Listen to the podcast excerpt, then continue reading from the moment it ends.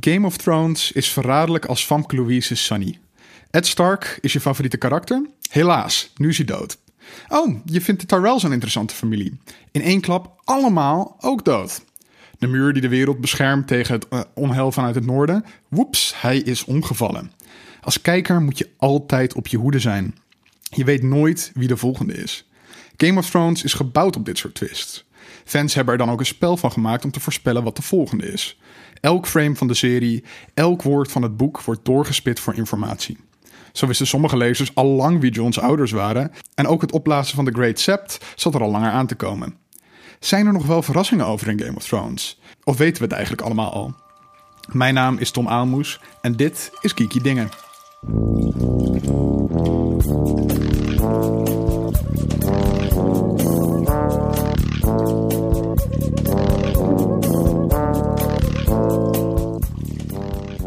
Mijn naam is Sidney Smeets en mijn credo is Unbowed, Unbent, Unbroken. Dat zijn de woorden van huis Martel, afkomstig uit het altijd zonnige Doorn en levensgenieters puur zang.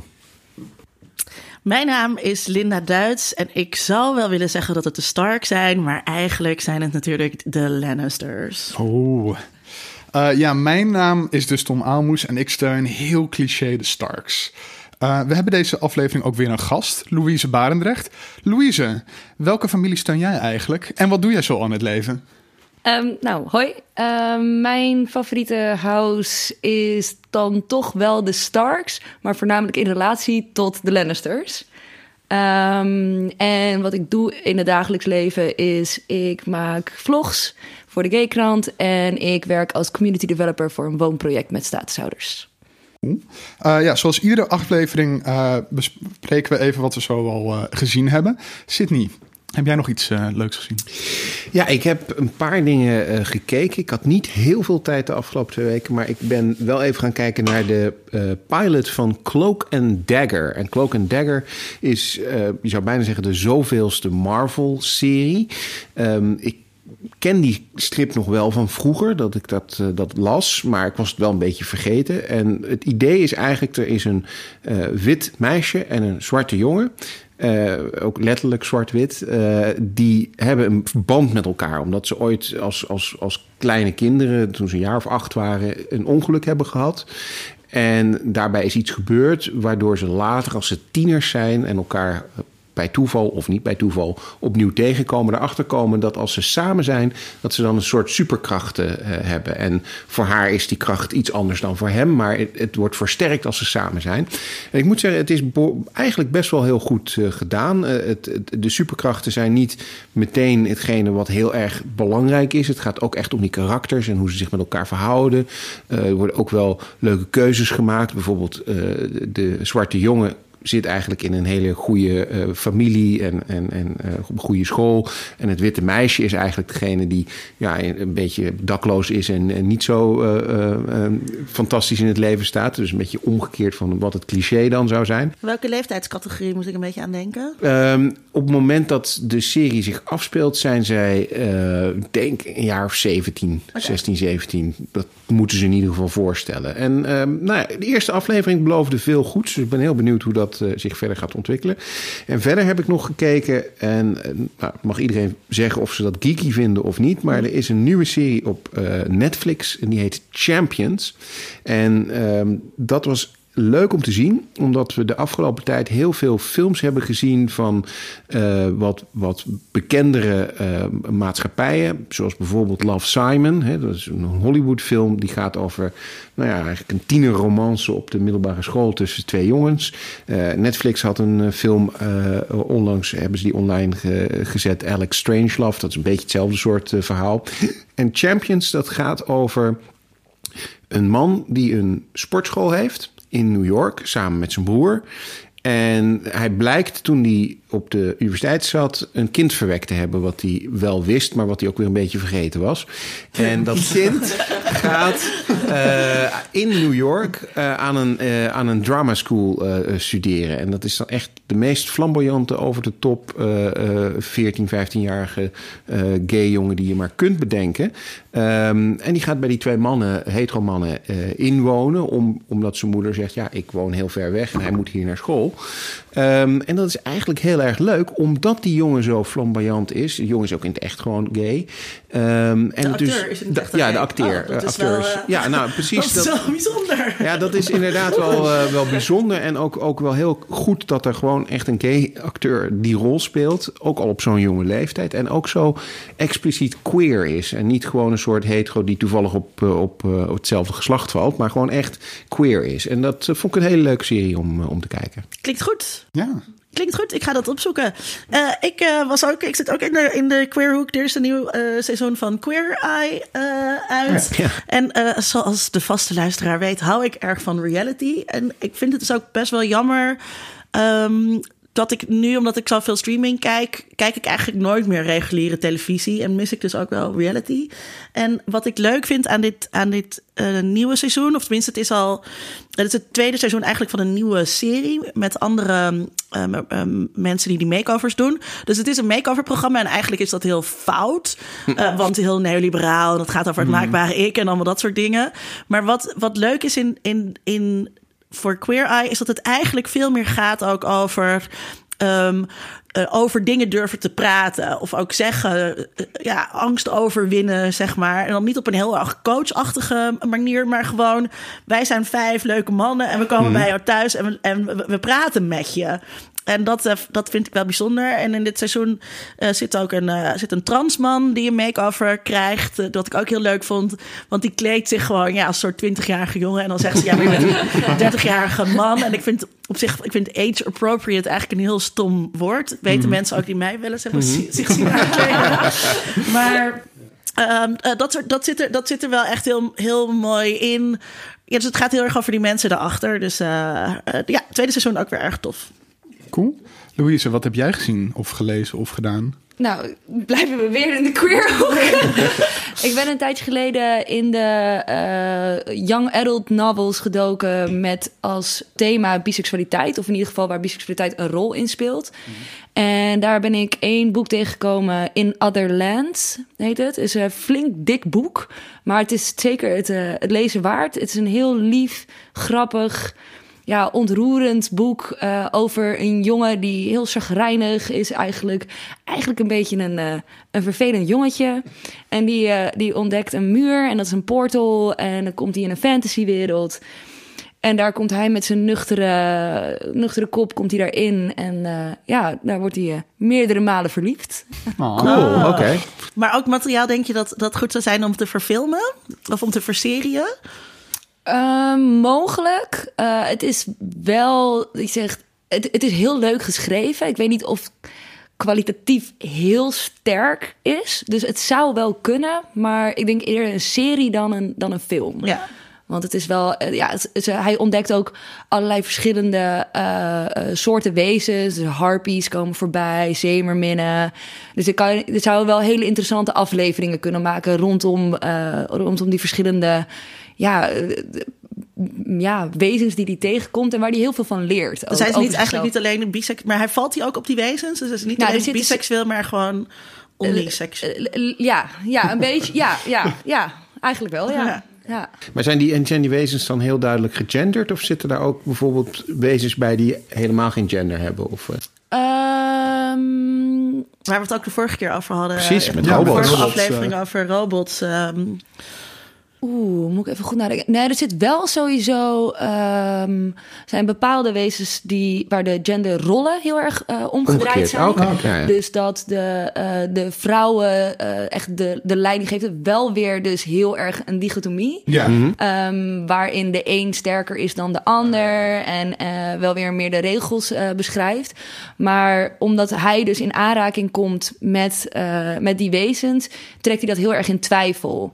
En het, eh, ja, het breekt ook heel veel tropes binnen fantasy. En eh, eigenlijk is hij heel erg als, net als een lezer, heel kritisch op alles en iedereen wat hij tegenkomt in die wereld. En je wordt ook echt meegenomen in zeg maar al die gekke dingen en hoe je daar dan Ja, of hij- gekke dingen, niet gebruikelijke dingen. ja, hij denkt zoals wij als mensen uit deze wereld denken. En eh, dat neemt hij mee naar die wereld toe. Cool. Klinkt heel goed. En jij, Tom? Ja, nou, ik heb eh, vooral met mijn eh, neus in de studieboeken gezeten de afgelopen paar weken. Afronding van het studiejaar. Uh, en waaronder uh, een paper waarin ik schrijf over hip-hop. En, uh, hip-hop? Ja, over hip-hop. Doe maar, Tom. Ja, um, en vandaag kwam dan, of afgelopen weekend, maar ik heb vandaag pas gezien, een nieuwe nummer van JC en Beyoncé uit. Ja. Met een daarbij horende videoclip. Uh, en ik weet dat het niet echt geeky is, maar toch wil ik hem even aanraden. Het is echt heel erg vet. Het is gewoon die twee in het Louvre en het openingsshot Mhm. is gewoon dan dat zij voor de Mona Lisa staan en zichzelf heel duidelijk op hetzelfde niveau als de Mona Lisa Ja, ja. plaatsen. Zo van, wij zijn even cultureel belangrijk nu. Uh, en dat is zo balsy en zo vet. En ik schrijf dus een van die papers over hip-hop en hip-hop en politiek. Dus ik zit nu gelijk, oh god, ik moet de helft van mijn paper aanpassen. erin te verwer- uh, verwerken. Maar nou ja, het is natuurlijk wel heel, heel geeky. Want er zijn heel veel eh, bekende regisseurs die videoclips hebben gemaakt. Heel veel videoclips die ook heel vooruitstrevend zijn geweest. Ja, gewoon voor, voor het ontwikkelen van bepaalde technieken. Uh, natuurlijk Charles Gambino met zijn Ja. uh, recente um, heftige uh, clips. Dus ja, ik vind het wel geeky. Oké, okay, mooi. Ik weet, ik, weet, ik weet niet of ik het geeky uh, vind. Dat, en dat is ook wel, dus sowieso nerd cultuur of geeky cultuur is, is gewoon ook best wel wit. Mm. Mm. Uh, ja. in, wit dominerende uh, wereld. Dus ik, ik, en ik weet dus zeg maar niet hoe die hip-hop uh, zich daartoe verhoudt. En hoeveel ruimte er binnen hip-hop is voor geeky dingen. Je hebt uh, afrofuturisme. Dat is Ja. gewoon een heel sterk genre vanuit Afro- Afro- uh, Afro-Amerikaanse cultuur. Ja, Ahmed Best, uh, de acteur die Jar Jar Binks speelt, is daar heel actief mee.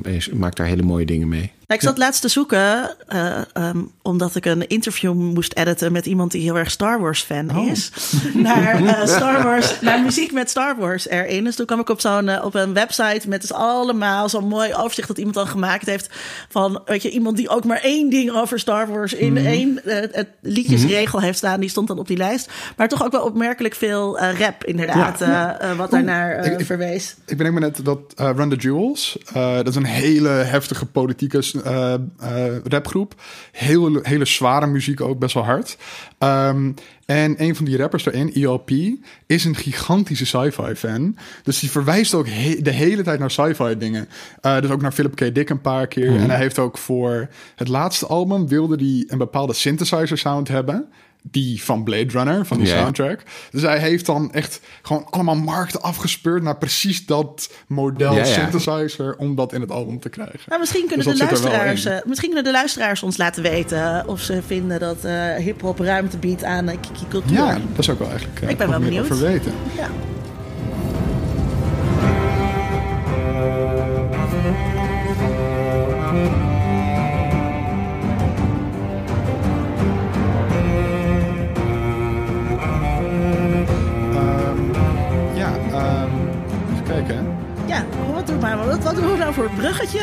naar Game of Thrones? Want het is eigenlijk best wel raar dat we het over Game of Thrones gaan hebben. Want er is helemaal geen Game of Thrones. Ja. Dus we worden gewoon aan het lijntje gehouden. Dat ze gewoon zeggen, nou wacht maar twee jaar. Dat vind ik ook echt. Dat is nog erger dan het killen van al je favoriete personages. De tergende, tergende Die wachten. dikke middelvinger van normaal moet je een jaar wachten. Nu twee jaar. Doei. Ja. Ja, maar dat is natuurlijk ook wel een soort van thema binnen Game of Thrones. Want George R. R. Martin, de schrijver, die vraagt de hele tijd ook wel flink wat geduld van uh, zijn Ja. lezers met elke keer de boeken. Uh, Zeker. ik had het geluk dat ik toen, net toen de serie uitkwam, begon met de boeken lezen. En toen kwam net dat vijfde boek uit. Mhm. Um, en toen moest ik daarna ineens wachten. En ik wacht nog steeds. ja, die serie is zeven jaar geleden uitgekomen. Ja, Ja. klopt. Maar hebben jullie niet ook dat eh, ik heb dus ook wel een beetje dat ik denk ja dan moet ik dus volgend jaar volgend jaar pas hè volgend jaar zomer dus er dan dus ook weer helemaal inkomen. Ja, dat, dat is zo. Uh, nou vind ik dat niet zo'n straf. Want ik heb uh, de seizoenen van Game of Thrones eigenlijk allemaal wel meer dan één keer gezien.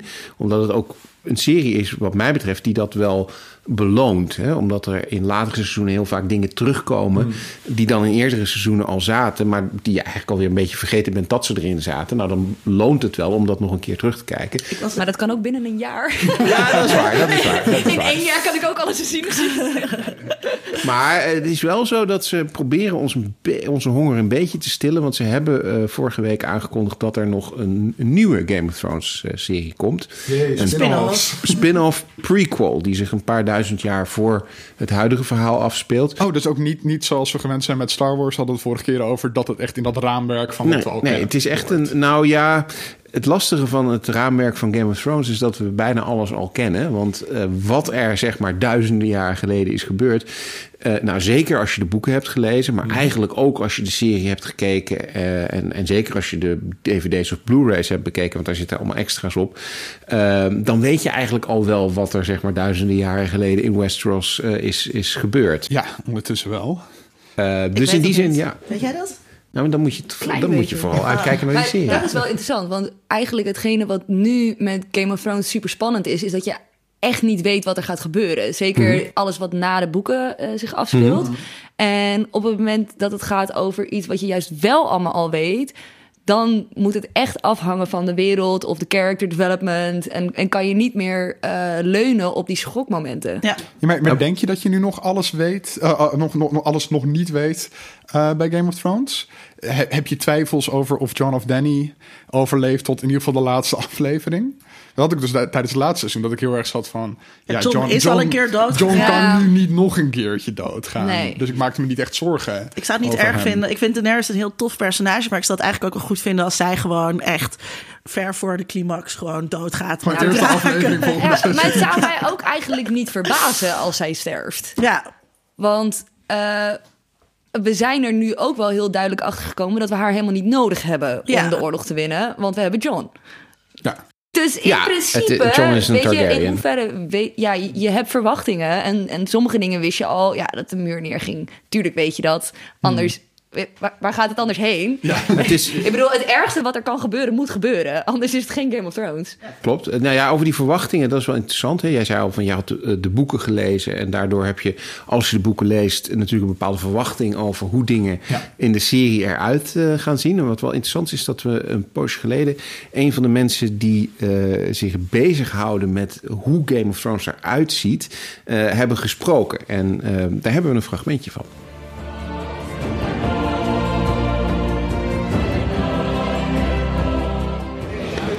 Um, so we're here in Rotterdam with William Simpson, one of the um, production designers or, or uh, artists. He can explain it better himself, actually. You on Game of Thrones?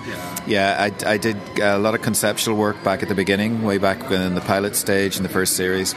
Uh, but I've basically been storyboarding Game of Thrones since season one. This is my ninth year. And uh, before we get into Game of Thrones, you uh, have drawn a lot of comics, a lot of comics based also on other franchises like Aliens, Indiana Jones, things like that. Uh, what's your favorite comic to draw? Oh God, man, that's stepping back in time. um, I loved the 2000 AD years when I was working on Judge Dredd and Rogue Trooper. Um, for me, uh, that's still one of my favorite periods of anything that I did.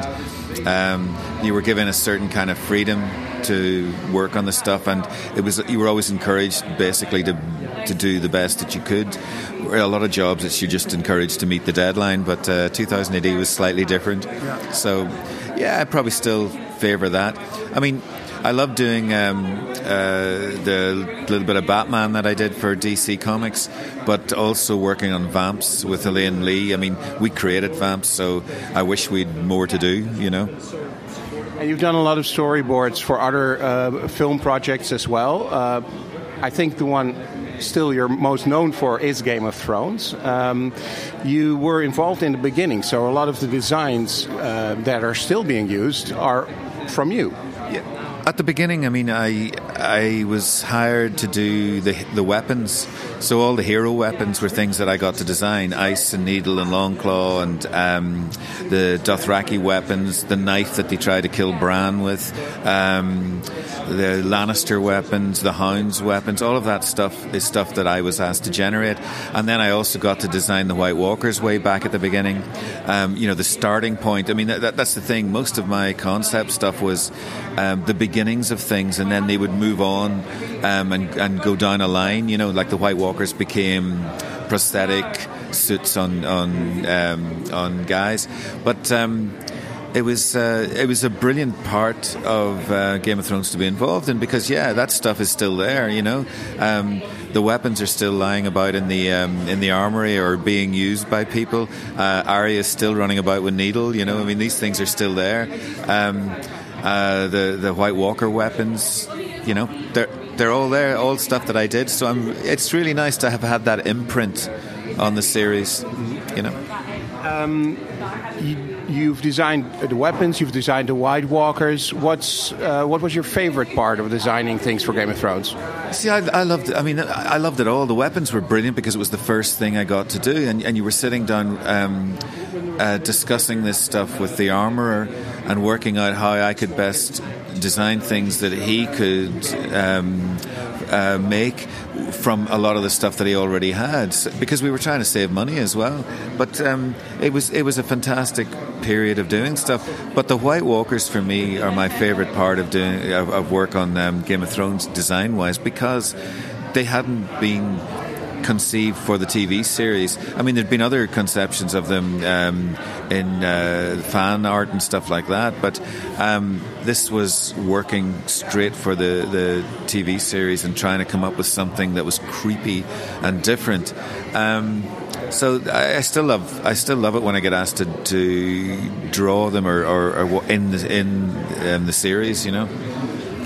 And um, as you've been saying, you had to design them for the screen. Um, how different are they, in your opinion, from what you read in the books? Because I assume you took that as a start. Yeah, the version that I painted, uh, my original um, art for it, I think is pretty close to what I read because there's only one paragraph that George R. R. Martin had described what the White Walkers were like in the first book. One paragraph, and I remember reading it and just getting hit by this idea of, of what it was that I thought they should look like, which is why this is one of the first images that I did, and it's um, it's one of those things where you. Um,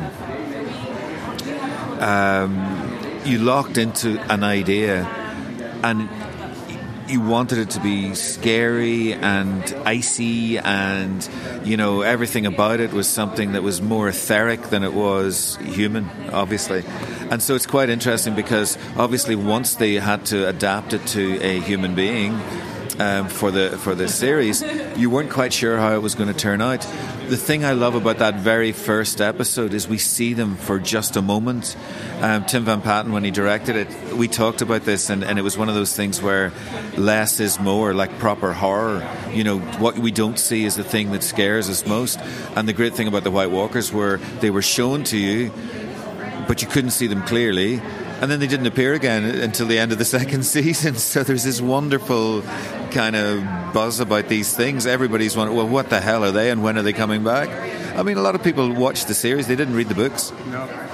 And um, at Comic Cons like like this one, you attend a lot of them. I, I, think I've I think I've spoken to you before in Amsterdam, actually uh, a while ago. Um, people ask you to draw things from Game of Thrones. Probably is the White Walker the one they ask you the most? No, no. You get honestly, I get requests for all sorts of stuff. I mean, you get a lot of Tyrions or you get a lot of Daenerys to do, um, and you get some of the other characters which are. Um, I mean, you need, I need to check what they look like. I mean, they're they're not kind of uh, totally in my head, but uh, you get some White Walkers. You get. Um, Judge Dredd, and Dredd isn't in it. yeah, so um, we're going to give one of your drawings to our viewers as a as a prize. Which character from Game of Thrones do you like to draw yourself, so that we can present our viewers with something that has true passion in it? No, I mean, again, I love Daenerys and I love Tyrion. I mean, the, the two of them, for me, were, were the strong points of the series. Tyrion is, is my all time favorite. I mean, he's the guy that, uh, you know, is just the best. He's the best. It doesn't matter what else happens. He is the, the, um, the everyman person in that series, and he's fantastic. And he's such a nice guy as well. Well, thank you so much for talking to us, and uh, we're going to ask you to draw something. You're welcome. Nou, ehm, zoals je al eh, in het uh, gesprekje hoorde, is er een hele mooie tekening ook gemaakt van iemand die dus echt de storyboards voor Game of Thrones ontwerpt. En als je nou deze aflevering helemaal afgeluisterd hebt, aan het einde gaan we vertellen hoe je die kunt winnen. Hij ziet er echt heel gaaf uit. Het is wel echt tof om te hebben. Ja. Ehm, ja, maar laten we het hebben dan over, over die twists en, en turns. En de, de- we hadden het net al over die voorspelbaarheid. Maar eh, wa- wat, wat is dus de kracht van Game of Thrones? Is dat die twists en turns waarom we al- zo allemaal zijn gevallen voor Game of Thrones? Ja, dat het zo'n cultureel moment geworden is? Ik denk het wel. Vooral het eerste seizoen eh, denk ik dat zij iets vrij unieks hebben gedaan. Hè. Ze hebben een, een, een verhaal opgebouwd waarin je investeert in een bepaalde hoofdpersoon. Eigenlijk voornamelijk Ned Stark. En wat wij gewend zijn als wij ons investeren in hoofdpersonen, in boeken of in series of in films. eh, is dat we dat niet voor niets doen. En dat dat dus heel belangrijk later gaat worden. En dat je die, die persoon helemaal gaat volgen. Nou ja, dat, dat doen ze dus meteen in het eerste seizoen. Aan het einde van het eerste seizoen gaat hij dood. En daardoor staat heel je verwachtingspatroon op zijn kop. Hè, want je dacht dat hij de, de hoofdrol zou, zou zijn... als je de boeken niet had gelezen. Ehm, en ze hebben eigenlijk niet wat je in Star Trek bijvoorbeeld hebt... eh, red shirts. Hè, de mensen die in de aflevering komen van je weet... nou, die gaat dood, want die ken ik niet. Ja. Bij Game of Thrones is dat niet. Het zijn bijna altijd mensen die je op zijn minst al een paar afleveringen kent... eh, die dus allemaal risico lopen. En dat houdt het heel spannend. Ja, dat was ook gelijk. Dan heb je inderdaad aan het einde van het eerste seizoen die eerste twist van Ed- Ned gaat dood. En dan denk je, oh, nou, dan gaan we nu zijn zoon volgen en kijken hoe hij wraak gaat nemen voor zijn vader. Eh, en dat natuurlijk ook niet. Ehm, dat is ook wel gek van als je de boeken dan gelezen hebt. Dat je dan. Ja, want voor, hoe- dat, dat, dat vond ik dan leuk om Hoe te is doen. dat? Want jij, jij hebt ook die boeken gelezen, dus Ja. dan, eh, met ongeveer tegelijkertijd dat je die serie keek. Ja. Eh, maar, dan, maar dan heb je toch veel minder dat shock-effect. ja, ik heb tussen seizoen 1 en seizoen 2 eigenlijk al die boeken eh, gelezen. Ehm, maar ik keek het ook altijd samen met mensen. Dus dat, eh, met Louise, dat is een oud huisgenoot van me ook. Dus dan gingen wij gewoon met al onze huisgenoten Game of Thrones kijken. Ik en wou, als je dan. ik wou niet naast hem zitten, want als zijn... Je kan dan zien als zijn spieren aanspannen. Dan denk ik, oh nee, er gaat iemand dood. dat dat het al een beetje verraden. Ja. Ja. Maar is het dan is het, is het heftiger in het boek als er iemand doodgaat? Of is het heftiger als je het, als je het Ah, kijkt? het is heftig op als je het ziet, want het is toch, de- vooral denk ik de Red Wedding bijvoorbeeld, Ja. een beschrijving van hoe iemands keel doorgesneden wordt en iemand heel abrupt zijn keel doorgesneden zien worden. Dat zijn wel twee echt verschillende dingen. Ehm, maar wat, wat ik te vertellen met dat, dat samenkijken is dat ik dan tijdens dat soort momenten dat je dan weet dat het eraan komt, dat je dan ook een half oog hebt op, op de mensen om je heen. ja. Want dan is het ook dat leuk een om te soort kijken. reactievideo aan het Ja. maken eh, bent. van oh oh ja, dan komt het af. Ja, ja, ja. ja. Wat ik ook wel bijzonder vind, is wat je vaak ziet als eh, eh, boeken verfilmd of eh, als er een serie van gemaakt wordt, is dat eh, kijkers een soort van beschermd worden. Dat het een soort, ja, dat er toch een, een, een zacht laagje overheen gelegd wordt. En, Of dat sommige characters zelfs in leven gehouden worden omdat ze favoriet zijn. Of dat, dat je het net niet ziet. Of dat het toch wat, wat vriendelijker eh, gaat dan in het boek. En dat is hier niet helemaal het geval. eh. Nee, nee. Nou, wat, ik, wat wel leuk is, is dat ze ook op sommige momenten een beetje spelen met de mensen die de boeken gelezen hebben, omdat dingen net anders gaan. Of dingen toch niet gebeuren die je eigenlijk verwacht dat zouden moeten gebeuren, omdat ze in het boek zitten. Ehm, waardoor dan natuurlijk ook weer allerlei theorieën ontstaan bij fans. Van nou, gaan ze dat dan op een ander moment nog doen? Of hoe zit het dan? En inmiddels, dat is dan, eh, nou ja, als je boeken niet gelezen hebt, misschien goed om te weten. Inmiddels is het eh, behoorlijk ver van de boeken afgedwaald. Er zitten nog wel een aantal hoofdlijnen in die hetzelfde zijn. Maar er zijn een heleboel karakters die helemaal niet voorkomen in eh, de boeken, die wel in de serie zitten of omgekeerd. Ehm, ver- ver- verhaallijnen die in de, in de boeken heel belangrijk zijn, maar die in de serie helemaal niet voorkomen. Ja, maar De soms wordt het moet toch wel gelijk gaan zijn? Ja, dat, dat weet ik niet. Ik, ik weet niet of dat, dat kan nog op dit moment. Ah, ja. Eh, Volgens mij, zijn eigen ontknoping weet hij niet eens of dat kan, toch? Eh, ik denk dat George R. R. Martin nog niet weet precies hoe het gaat eindigen. Want anders wisten wij dat ondertussen ook wel. Ehm, nee, maar het, ik- het is dus echt onmogelijk nu dat, dat ze hetzelfde eindigen. Er zijn zoveel extra verhaallijnen in de boeken...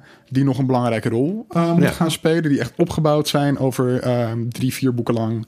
Die gewoon niet in de serie zitten. Oké. Ehm, dus dat wordt echt wel iets Wat, anders. wat, ik, wat, ik, wat zo interessant is aan Game of Thrones, naast dat, dat ze dit doen met die, met die, hoofd, eh, of met die hoofdpersonages, is dat ze doen nog allerlei andere dingen die, je- die je eigenlijk niet verwacht van eh, een miljoenen serie zoals dit. Ehm, wat, wat bijvoorbeeld eh, niet goed is. Er zijn veel te veel personages. Hmm. Weet je, het is veel te ingewikkeld. Dus normaal zou je zeggen dat een publiek dat helemaal niet aan kan. En dat je een beetje overzicht moet hebben. En daar wordt dus hier ook gewoon eh, een middelvinger naar opgestoken. En ik heb, ik heb heel veel gekeken toen ik nog heel veel blode. Nou, dan moest ik weer terug. Want dan was er weer iemand dat ik denk, hè, wie is dit nou Hebben weer? we deze al eerder gezien? Wie is het personage en, en wanneer is die dan geïntroduceerd? En, ehm, eh, want er, er komen ook allemaal mensen in voor die redelijk nieuw zijn, maar die dus gepre- gepresenteerd worden als, nou, dit is gewoon een van de hoofdpersonen. Ja, dus we gaan nu Hoezo deze ken je persoon, hem niet? Deze persoon wordt dus nu in één keer heel erg belangrijk. En, eh, eh, en dat is dus, en, en überhaupt is natuurlijk fantasy. eh, toch wel een beetje van de geekcultuur het meest ja, nerdy. Dat het eigenlijk, weet je wel, kinderachtig met draken. En dat mensen daar niet naar willen kijken. Je kan vanaf de leeftijd 5 en de pagina 5 vertellen hoe, het verhaal gaat lopen. ja en, en eh, met quests en mensen die heel ver moeten lopen door bedachte werelden. Ja, ja, ja, ja. Weet je, dat, dat is toch wel terwijl wat ook aan het begin gezegd werd toen Game of Thrones net uit was en mensen enthousiast erover waren die eigenlijk verder helemaal niks met geeky cultuur hebben, dat ze zeiden ja, het is wel fantasy, maar het is niet echt fantasy hoor. Dus maar dat- dat is, uit eh, het en toen kwamen de draken. Nou ja, maar dat, dat hebben ze wel knap gedaan. Want het is inderdaad waar wat, eh, wa- wat jij zegt, Linda. Want in het eerste seizoen, moet je maar een keer misschien terugkijken... daar zit eigenlijk bijna geen eh, magie of, Ja, dat is of echt wat. drama. Ja, en pas helemaal in het einde weer, we dus al die twist van eh, Stark... dan blijken er opeens draken te zijn en blijken die draken echt te zijn. Maar dat weet je eigenlijk tot dat moment niet. Hè, want Ja, dat zou net zo iedereen goed... in die wereld is in de veronderstelling Ja. dat magie niet meer bestaat. Of überhaupt nooit bestaan heeft. En door dat zo te doseren, en ja, nou gaandeweg de serie komt er veel meer eh, magic eh, in voor natuurlijk. Maar door dat zo te doseren, hebben ze dat volgens mij heel slim gedaan. Want daardoor trek je inderdaad de mensen die in eerste instantie denken van ja, weet je, tovenaars en, en draken, dat hoeft voor mij allemaal niet. Die trek je naar binnen. En dan, ja, als je ze toch al hebt, dan kan je er langzaamaan eh wat draken doorheen eh, sprenkelen. Ja. Ja, dus ik vind dat, dat ze dat heel goed hebben gedaan. Ehm, ik denk dat het tijd is om eh, Dan Hessler Forrest even ter sprake te brengen. Eh, eh, Dan heeft een, een heel interessant stuk geschreven eh, over onder andere Game of Thrones. Eh, en wat hij eh, gentrif- gentrificatie-tv eh, noemt. Oh. En hij zegt dus dat. ehm, sorry dat eh, ik- ja, Game of Thrones is een serie met heel erg veel geweld en heel erg veel eh, expliciete seks. Ja. En dat is een beetje gritty. Dat is het woord wat hij daarvoor gebruikt. Het is een beetje ruig. Het is een beetje vuig. Hè? Het, het, als je je daarmee associeert, dan laat je zien dat jij ook een beetje cool en edgy bent. Net als dat je in Amsterdam-Noord op een feestje bent. Exact. En, en het zijn natuurlijk helemaal niet cool en edgy mensen die een abonnement nemen op, op HBO. Dat zijn gewoon middenklasse mensen met veel besteedbaar inkomen. En, en vandaar inderdaad die verwijzing met gentrificatie. Hè. Dat zijn de mensen die dan eh, in Noord gaan wonen. Eh, eh, want, want er zijn nu ook een paar leuke cafés en er zit Kev. En, en, en dat je, maar het is nog steeds een beetje vuig en, en ruig. En ik vond dus heel, wat hij zo goed doet, is dus ehm, eh, laten zien hoe die politieke economie van betaaltelevisie en het willen aantrekken van bepaald soort kijkers dicteert wat voor soort content je dus eh, te zien krijgt. Het is helemaal niet dat die makers nou per se zo graag eh, eh, dat allemaal heel extra bloederig willen laten zien. Maar dat is zijn de, de wetten van, van, ja, van de industrie die dat op die manier dicteert. Dus ik vind dat een heel interessant argument. Dus dus het is echt dat- dat je gewoon ehm, dat geweld erin moet doen om die shock te hebben dat mensen erover gaan praten en dat mensen bereid zijn om En te dat betalen. het, precies. En dat dat dus een coole serie is waarmee jij jezelf wil associëren. Ja. Ja. Maar ik denk dat het hetzelfde is met eh, als je het hebt over die eh, hoeveelheid characters. Dat je, eh, je hebt echt duidelijk twee soorten kijkers. De mensen die echt alles willen weten en dus stoppen en op gaan zoeken. Oh, wie was dit ook alweer? Want je hebt ook vaak dat al heel lang een naam genoemd is, maar dat je diegene nooit gezien hebt. Eh, en je hebt ook mensen die, nee, nou, het zal wel. En het verhaal is op zich nog prima te volgen als je niet weet wie die mensen allemaal zijn. Eh, het geweld is nog steeds net zo gewelddadig. eh, de shockmomenten zijn net zo chockerend. Want het zijn de hoofdpersonen die doodgaan, Ja. niet de side characters. Ja, ja. Dus ja, dus je, wat je eigenlijk dan zegt is van, nou ja, de, je, je, hebt, je kunt Game of Thrones inderdaad zien zoals uh, Dan het uh, benoemt als gentrification en het soort kijkers dat zichzelf graag een beetje edgy wil vinden. Maar er zijn ook gewoon kijkers die echt fantasy of uh, geek en fan zijn en die ja, niet zozeer vanwege die gentrification denk ik kijken.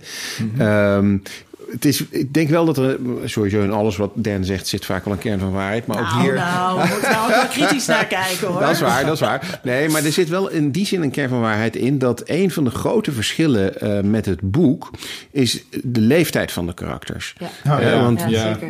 Daenerys is, is gewoon volgens mij 13 of zo op het moment Ja. dat ze door Khal Drogo bruut verkracht wordt en dan vervolgens verliefd op hem uh, wordt. Nou, die jongens die zijn ook allemaal 14, 15, terwijl het hier natuurlijk allemaal twintigers met grote baarden zijn. um, die, die best wel heftige dingen meemaken. Dus in die zin is de serie wel een beetje. Ja, ofwel omdat je misschien niet zo'n goede acteurs van die leeftijd kunt vinden. Ik bedoel, uh, Bran uh, is opgegroeid, heeft een iets grotere neus gekregen. Um, ofwel uh, omdat ze dachten van ja, een meisje van 13 dat daadwerkelijk bruut verkracht wordt door een hele grote gespierde man. Dat vinden we misschien toch niet helemaal passen bij HBO. Nou ja, het is natuurlijk een pay-per-view of ja, pay-tv, dus je, mm -hmm. kan, je kan daar veel meer doen dan, uh, dan in cable tv. Maar het blijft natuurlijk Amerika. Ja. Dus het is ja, in die zin al een wonder dat die boeken überhaupt gelezen mogen worden uh, in, de, ja. in de VS. Ja, wat, wat vonden jullie van, uh, van uh, dat ultra-geweld? Mm -hmm. We hebben natuurlijk een aflevering gemaakt over ultra-geweld. We hebben het ook een beetje gehad over Game of Thrones. Vonden jullie het lekker? Was het uh, onplezierig? Dacht je, dit is iets cools waarmee ik me wil associëren als het, het, het, het verschilt van, van moment tot moment. Um, in het eerste seizoen valt het nog best mee. Ik bedoel, Eddard Stark's onthoofding is nou niet het meest heftige wat je in de serie ooit gezien hebt. De Red Wedding wel meer. Dat is veel gorier. Je ziet veel meer bloed spuiten. Ja, je uh, bouwt ook wel een soort van tolerantie op. Ja, ja, ja, en de serie gaat daar dan ik vond ook die in mee. namelijk best wel heftig hoor. Ja, oké, okay, maar op dat moment, maar als je dat nu terug zou kijken, is het een tam moment. Maar was het de onthoofding die je heftig vond, of was het het feit dat het wie onthoofd werd? Beide. Hmm. En dat zijn dochter en, ervoor bij En onthoofding ja. is ook zo definitief. Ja.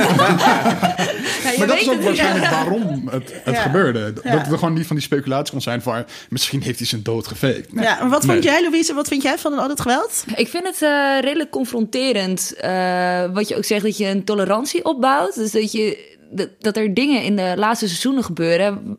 wat me dan niet choqueerde.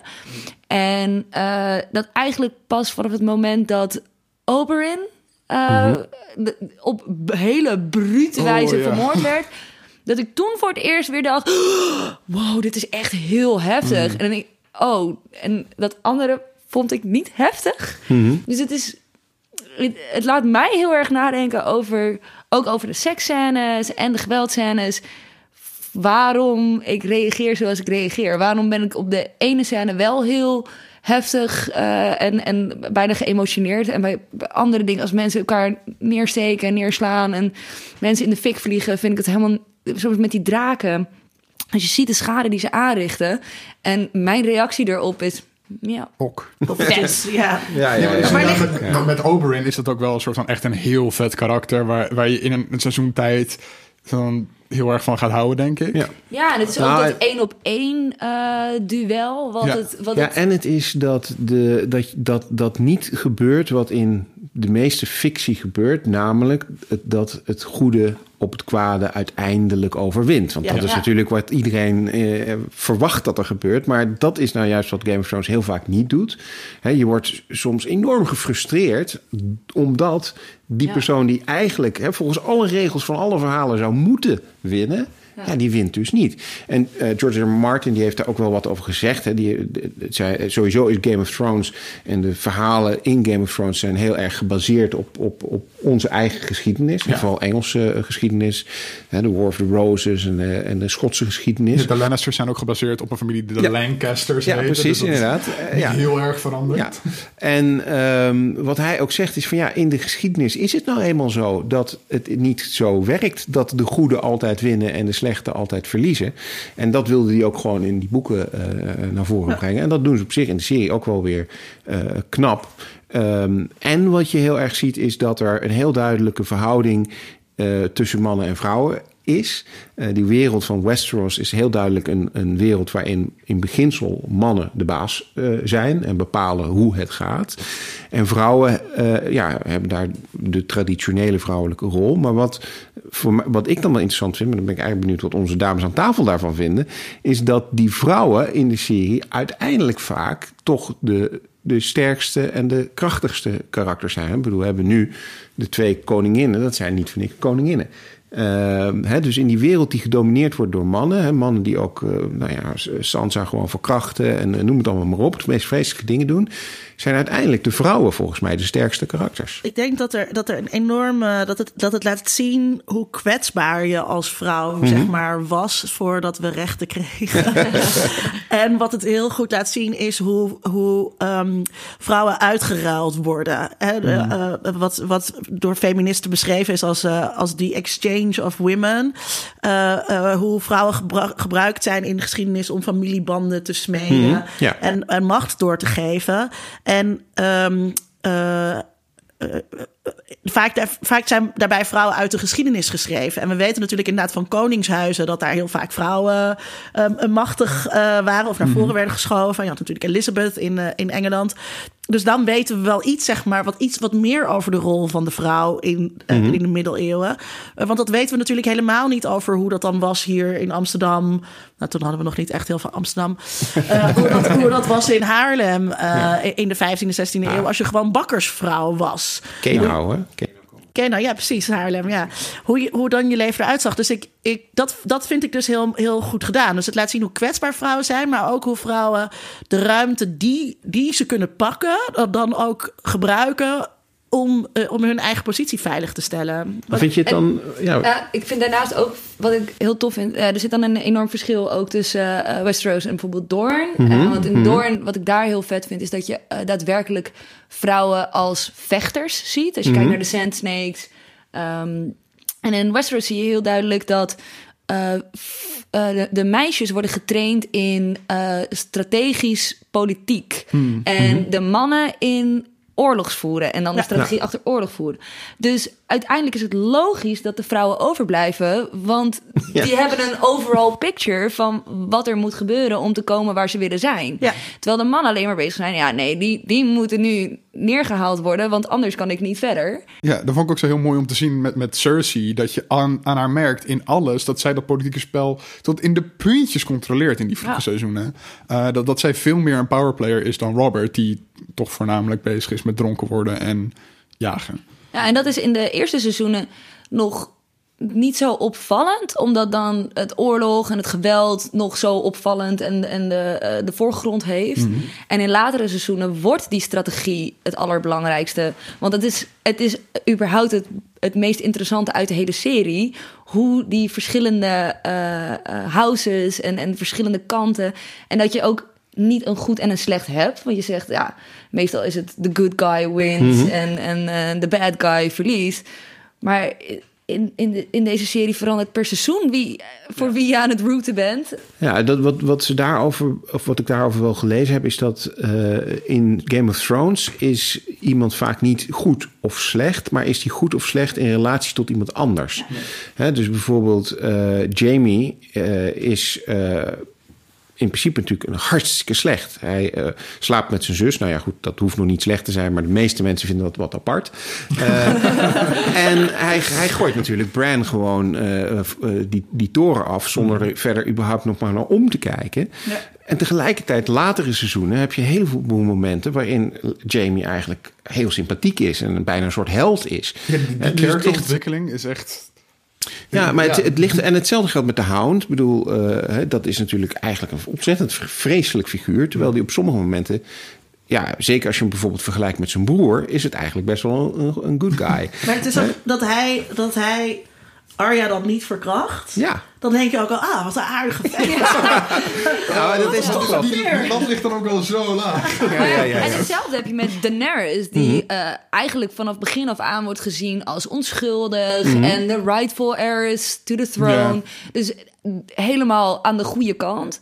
En als je later ziet hoe zij met de mensen om zich heen omgaat, is toch niet Zij is heel helemaal niet zo'n tof personage. Ja, maar ze is helemaal ja. niet zo. Ze is niet, niet heel vriendelijk. Ze is echt de ultieme strateeg. En Ja. wat dat betreft staat ze Paul tegenover Cersei.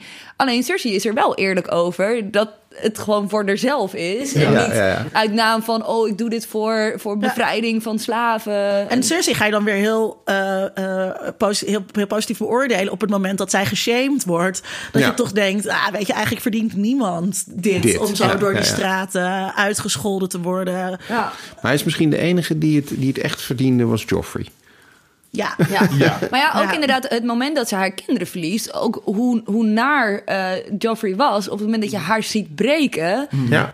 Dat doet dan toch wel weer wat met je. En dat haar slecht zijn in haar hoofd goed doen is voor haar kinderen. Ja. Dat vond, En- vond ik een heel mooi subversief momentje. Dat je dan eigenlijk net begint te juichen dat Joffrey dood is.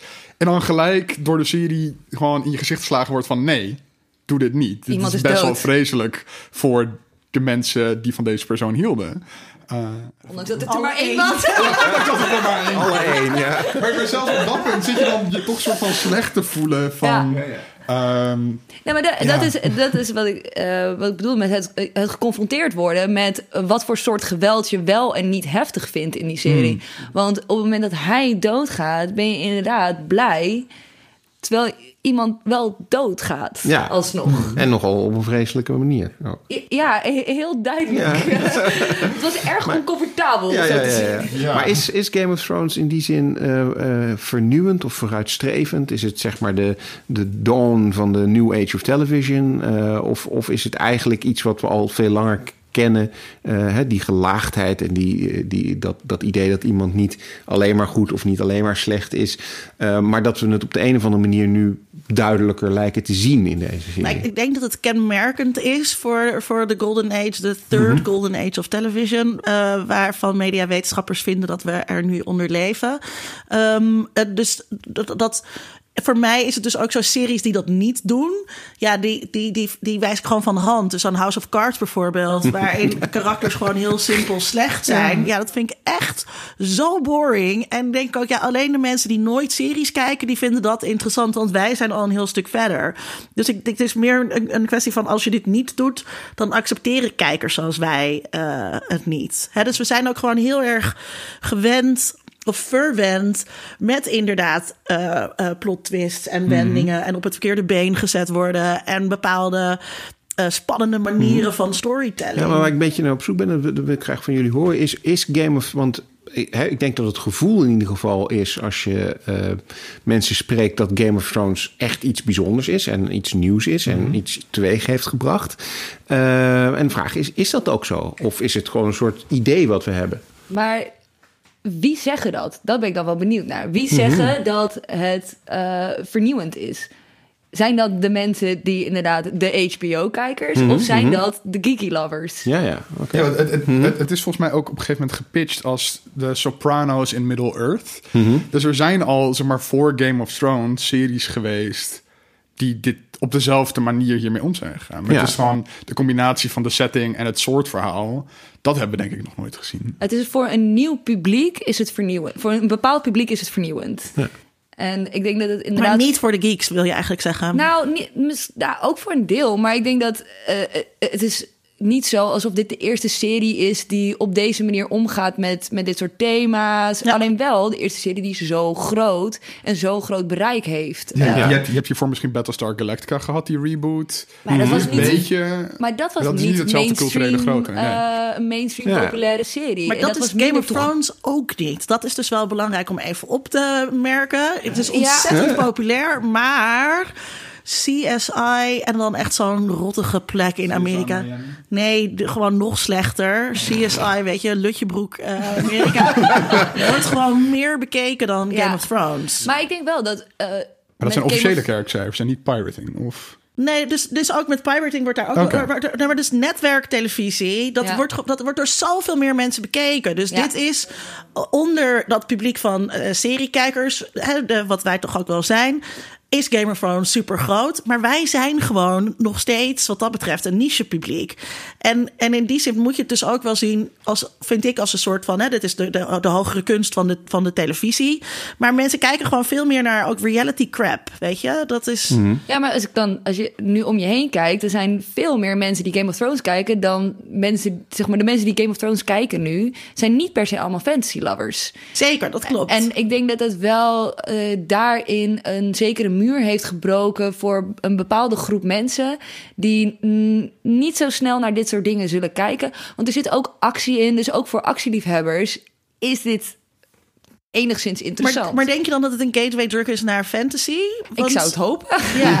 Maar, maar zijn er andere fantasy-series geweest, of geeky-series überhaupt naar Game of Thrones, die op zo'nzelfde manier gewoon zulke hoogwaardige kwaliteit leveren? Ja, hebben we Nou ja, eigenlijk clones West- gekregen. Eh, nou ja, nee, ja, geen, geen kloon, maar ik denk dat Westworld heel duidelijk een... Ja, maar dat is ook de vervanging van Ja, Game of precies. Thrones. En heel, heel duidelijk eh, schatplichtig is aan Game of Thrones in die zin dat ze, inderdaad, precies zoals je zegt, natuurlijk ook op zoek waren naar een nieuwe Game of Thrones. Maar de kwaliteit van Westworld is denk ik wel te danken aan wat we met Ja. Game of Thrones gewend eh, zijn. Ah, ik denk, voor, wat, als ik kijk naar eh, dingen die ik vergelijkbaar zou vinden qua kwaliteit en qua thema's behandelen, belanden we snel bij anime.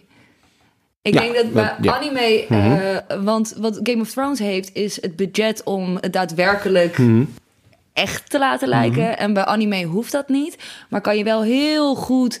he- Het is super gewelddadig, super oversext vaak. eh, ja, en ja. gebruiken dat heel erg om dat soort heftige thema's te bespreken. Welke series denk je dan specifiek aan? Oh ja, je. Dat, pff, eh, nou je hebt sowieso Death Note, wat natuurlijk heel erg gaat over eh, het niet hebben van een daadwerkelijk goed en, en, en slecht. Ehm, waarin op vrij gewelddadige wijze verschillende mensen worden eh, vermoord. Ta- Attack on Titan? Attack ja, on Titan. daar, was ik eigenlijk Ja. aan het vissen. ja, Attack on Titan is... Ook, ook eh, iets met muren en gigantische Ja, ja, ja, bewegingen die door de muren willen komen. ja. Nou ja, en het is wel interessant, want het is natuurlijk bij anime eh, precies tot op zekere hoogte hebben ze wat minder last van budget. Dus ze kunnen, ja, ze, ze Ja. kunnen meters alles hoge me- tekenen. dingen Ja. eh, tekenen.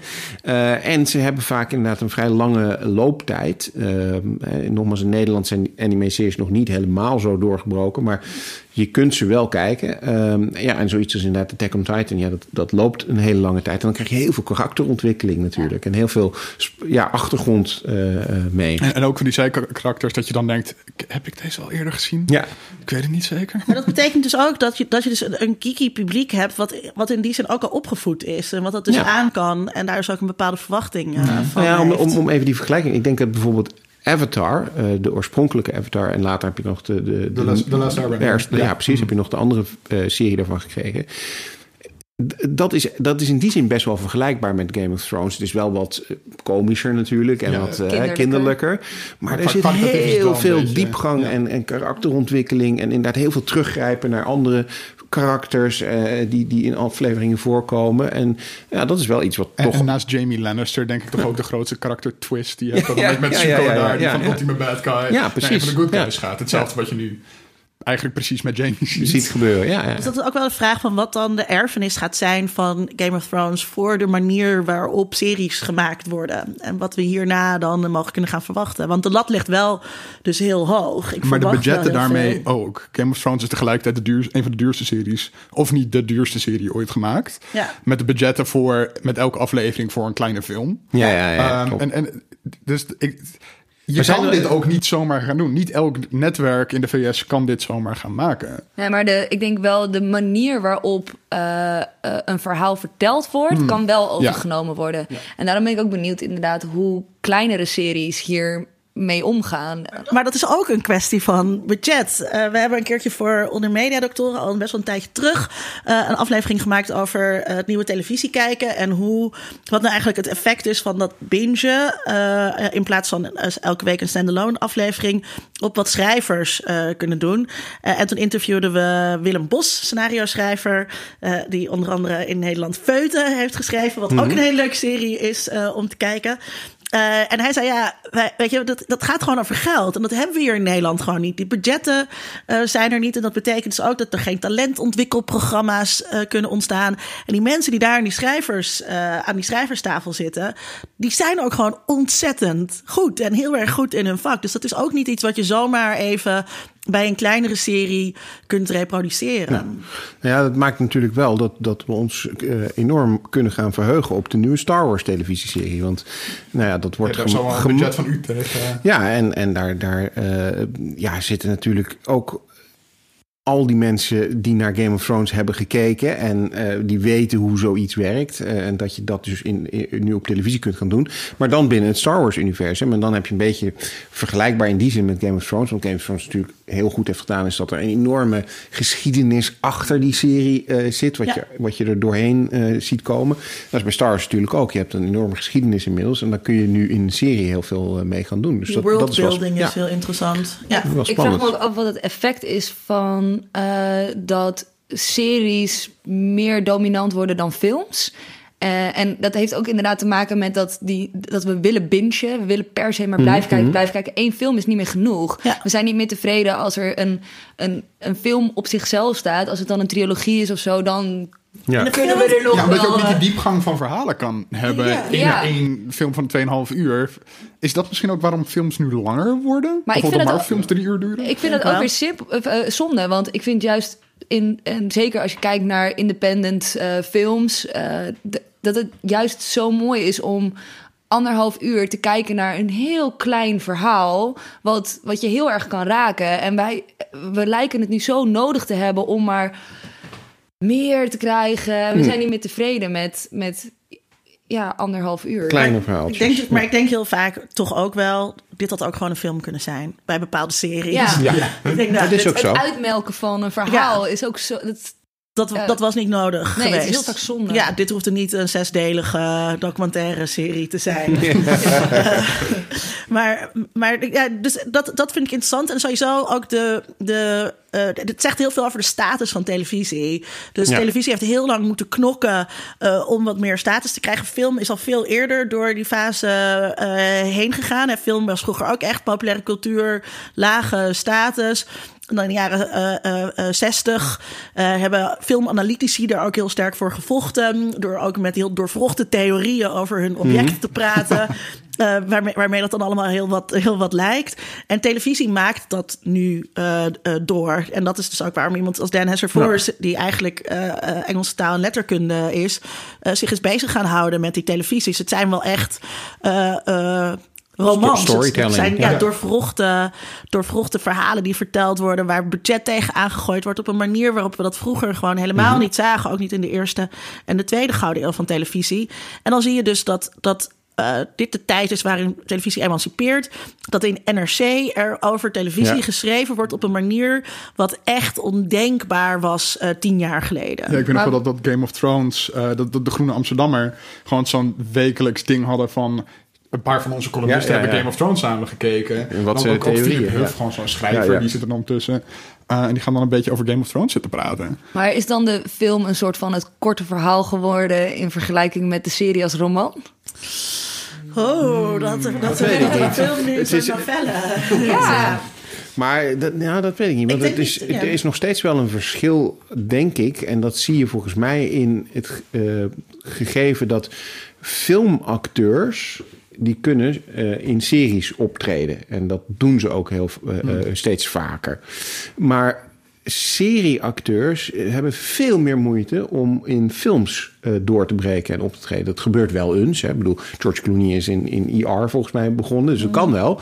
Maar kijk naar onze eh, Daenerys Stormborn. Ehm, het lukt er niet echt om, om, om die status als filmster te krijgen. Ik, ik vond haar heel leuk in, in Solo, maar goed... Heel veel mensen ook niet. Eh, daarvoor zat ze in eh, Terminator. Dat is ook, eh, was ook niet zo'n succes.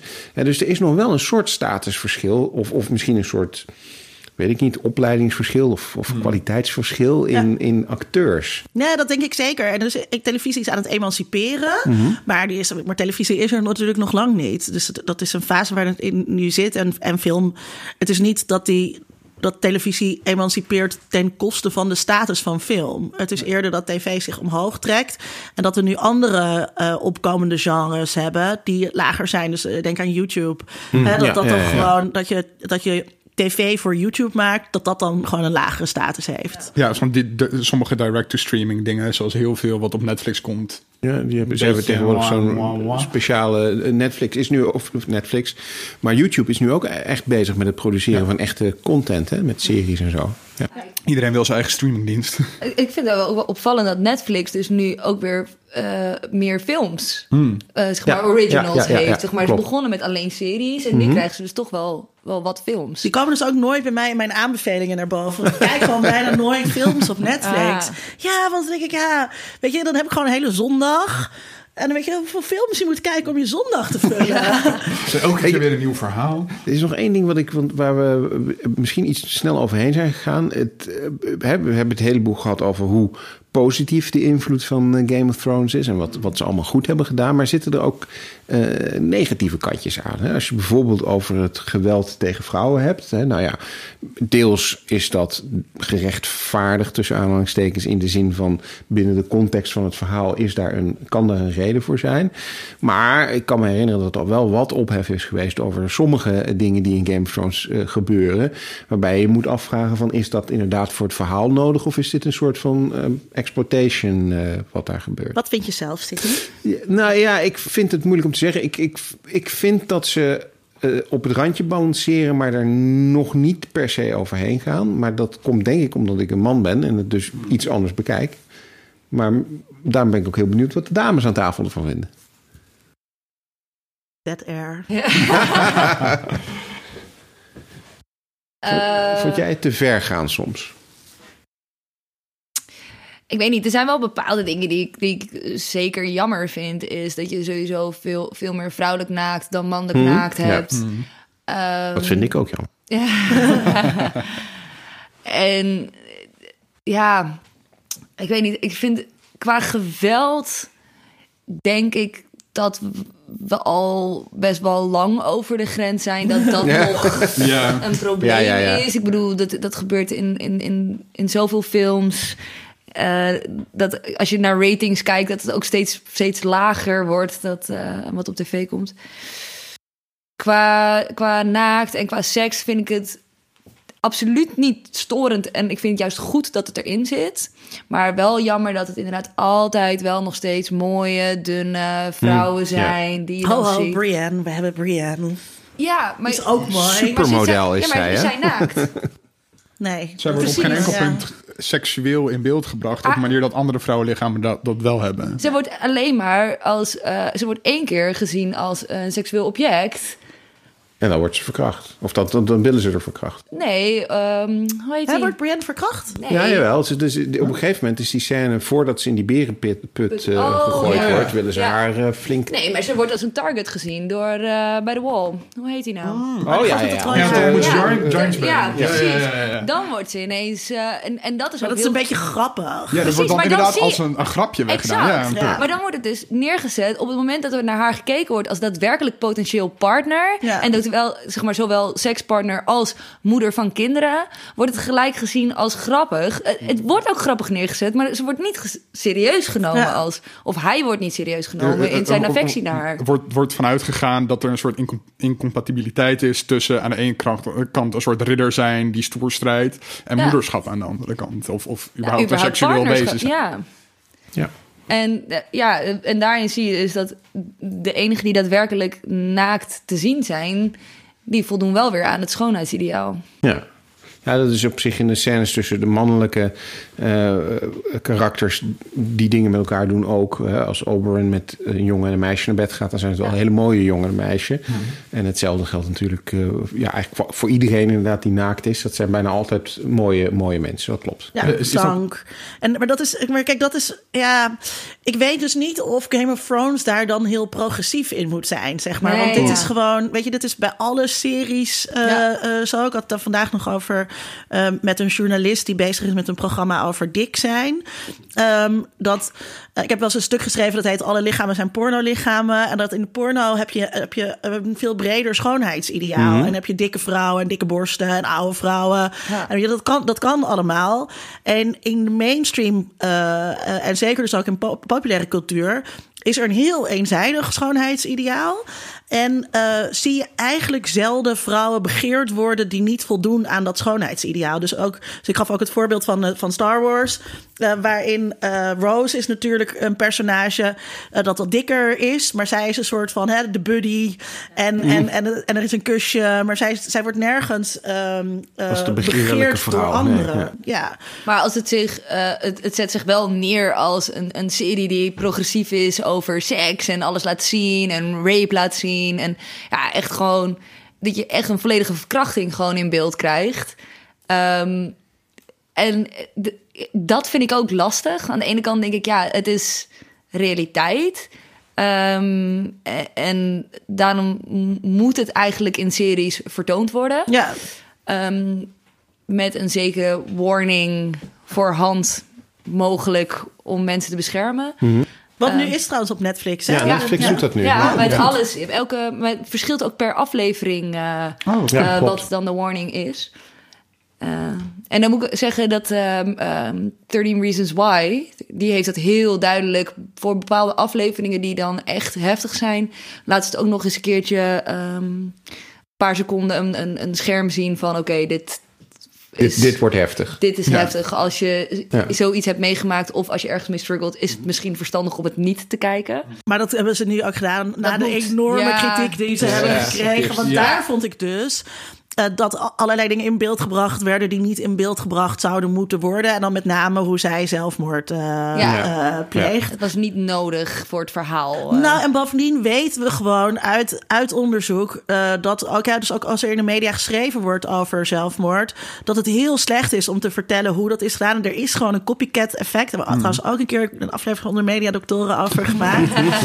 dat, dat dat bestaat. En, dat, ja. en je wilt gewoon niet degene zijn die iemand uh, over de drempel helpt uh, om succesvol zelfmoord te plegen. Dus daar, daar, daar, draagt, daar draagt ze verantwoordelijkheid, die serie. En zeker omdat het zo gemikt is op een bepaalde leeftijdsgroep, ja. vind ik dat toch wel, ja, vind ik eigenlijk wel dan 13 Reasons Why een kwaadaardige serie. Die ook dit soort tienergevoelens heel erg exporteert. Uh, en Game of Thrones, ja, dat kan dan wel mijn goedkeuring wegdragen. Nou ja, ik denk dat, waar je natuurlijk ook het geluk mee hebt met Game of Thrones, is dat het zo ver van realiteit staat. Zeg maar alles maar wat tegelijkertijd dus ook niet. Nee, maar het, is, het is niet dat je, uh, als je het ziet, dat je denkt: oh ja, dit is heel herkenbaar. De, de, de onderliggende dingen wel, maar hoe je het ziet, niet. Ja. Terwijl voor mij is het dus wel, zeg maar hoe, hoe functioneert het patriarchaat? Ja, ja, ja. ja, ja, ja. ja, ja, ja zo. De structuren zijn herkenbaar. Ja. Alleen het, uh, het beeld zelf niet direct. Ja, maar dat is natuurlijk wel eigenlijk altijd met fantasy of science fiction. Hè? Dat je, het is makkelijk dat, te distancieren. Precies, dat is het hele idee. Dat je, dat je door uh, hè, nou, Star Trek uh, mensen in, uh, met, met rare dingen op hun hoofd iets laat uitbeelden kun je iets zeggen over de maatschappij. Ik, ik wou nog wat vragen, Louis, want je zei eerder uh, in deze aflevering dat je uh, bij sommige uh, scènes dan um, geschokt bent en bij andere dus een soort van afgestompt. Waar denk je dan zelf dat het aan ligt? Wat dan het verschil is tussen die, tussen die dingen die je wel kunt zien en andere dingen niet? niet. Ja. ja. Um, dat vind ik dus zelf heel lastig. En het interessante is dus dat het mij de vraag laat stellen van waarom dat zo is. En ik denk dat op heel veel dingen ik nog steeds het antwoord niet exact weet. Ja. Um, maar um, ja, sommige dingen zijn omdat, je, omdat het heel één op één is. Dus dat het dan wel wat realistischer lijkt dan in zo'n groot gevecht. Dan kan je heel makkelijk zeggen: Oh, dit, ja, dit hoort erbij. Um, Ned Stark was natuurlijk heel heftig. Maar daarna het doodgaan van heel veel characters mhm. was dan weer. En bijvoorbeeld de Red Wedding is dan heel heftig, maar je bent minder gechoqueerd over wie er exact doodgaan, omdat er zoveel mensen tegelijkertijd mhm. doodgaan. Ja. En als er één enkel persoon doodgaat en daar wordt meer aandacht op gelegd. En de, um, ik denk dat het vaak gelinkt is uh, in relatie tot de mensen daaromheen. eh, hoe de mensen erop reageren. En dat dat mijn emotie triggert of niet. Ja, op, op dat onderwerp is het interessant om ook te hebben over een scène waar toen heel veel controverse rond was, in seizoen 4 of 5. Dat Sansa verkracht werd door Ramsay Bolton. En dat we dat voornamelijk meekregen door. ehm nu ben ik de karakternaam kwijt. Die Greyjoy. Ja, Theon. Theon. Reek. Ja. Ja, Ehm, op dat moment was het Reek. eh, Dat, dat, dat we het voornamelijk via hem meekrijgen. Hij focaliseerde die scène, de camera richtte op hem. En hoe vervelend het was voor hem om gedwongen te worden hier naar te kijken.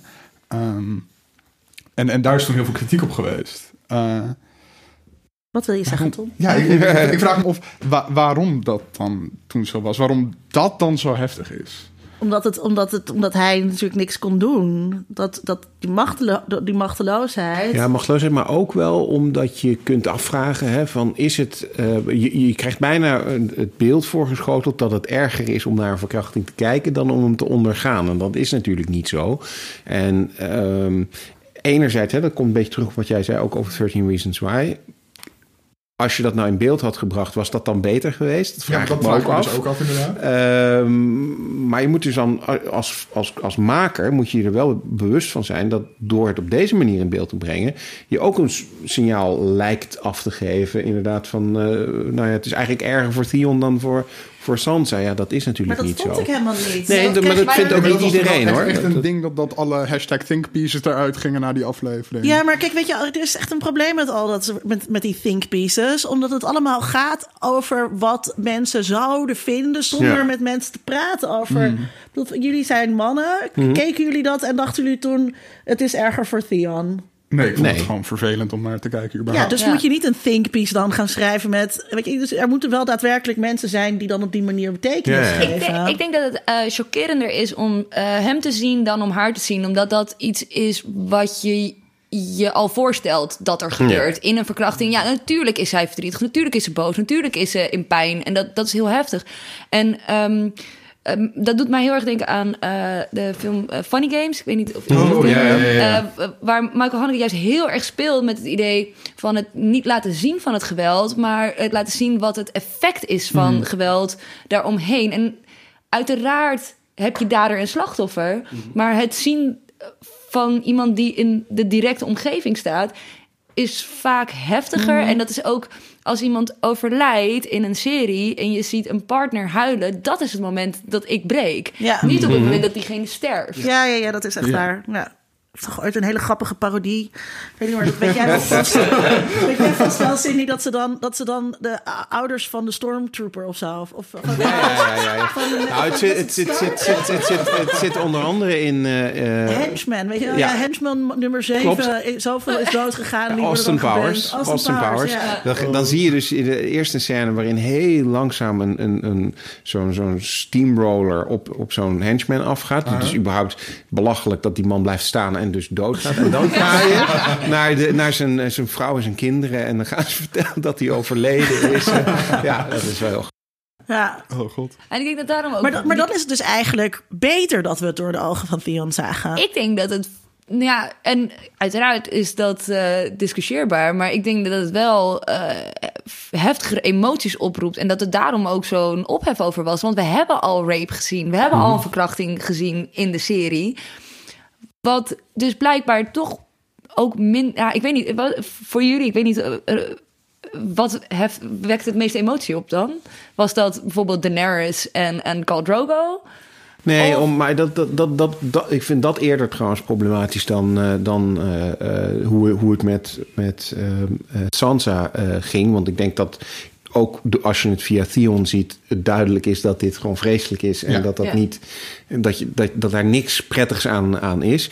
En dat vond ik in die zin tot op zekere hoogte problematisch. Maar dat komt denk ik omdat ik heel erg in dat boekidee zat van dit is een meisje van 13. eh, die dan met Carl Drogo eh, allerlei dingen gaat eh, beleven. En dat en vind ik van uitgehuwelijkt ook is. uitgehuwelijkt En, is. ja. En dan uiteindelijk, ja, enerzijds is het misschien empowering, maar anderzijds is het natuurlijk ook gewoon een soort Stockholm-syndroom. Dat je eh, gewoon bruut verkracht wordt en dan op een gegeven moment ook nog van die man gaat houden. Maar los van dat, de, de act zelf, zeg maar, Ja. Mhm. de scène, de daadwerkelijke verkrachtingsscène, welke Ja. was heftiger? Nou, ik denk die van Sansa. Ja. Ik denk het ook. Waarom? Al moet ik ook zeggen dat ik die uit het eerste seizoen gewoon niet meer zo goed... Dat staat me niet meer goed voor de geest, hoe, wat mijn reactie daar toen op was. Ik vond Daenerys toen wel echt heel heftig. En eh, Sansa eerlijk gezegd niet zo. Omdat we dus al heel erg established hadden dat... eh hoe heet hij ook weer? Ramsey. Dat. Ramsey zo ontzettend puur kwaad was. Weet Ja. je, het evil. Dus ik vond, ik vond die scènes heel heftig.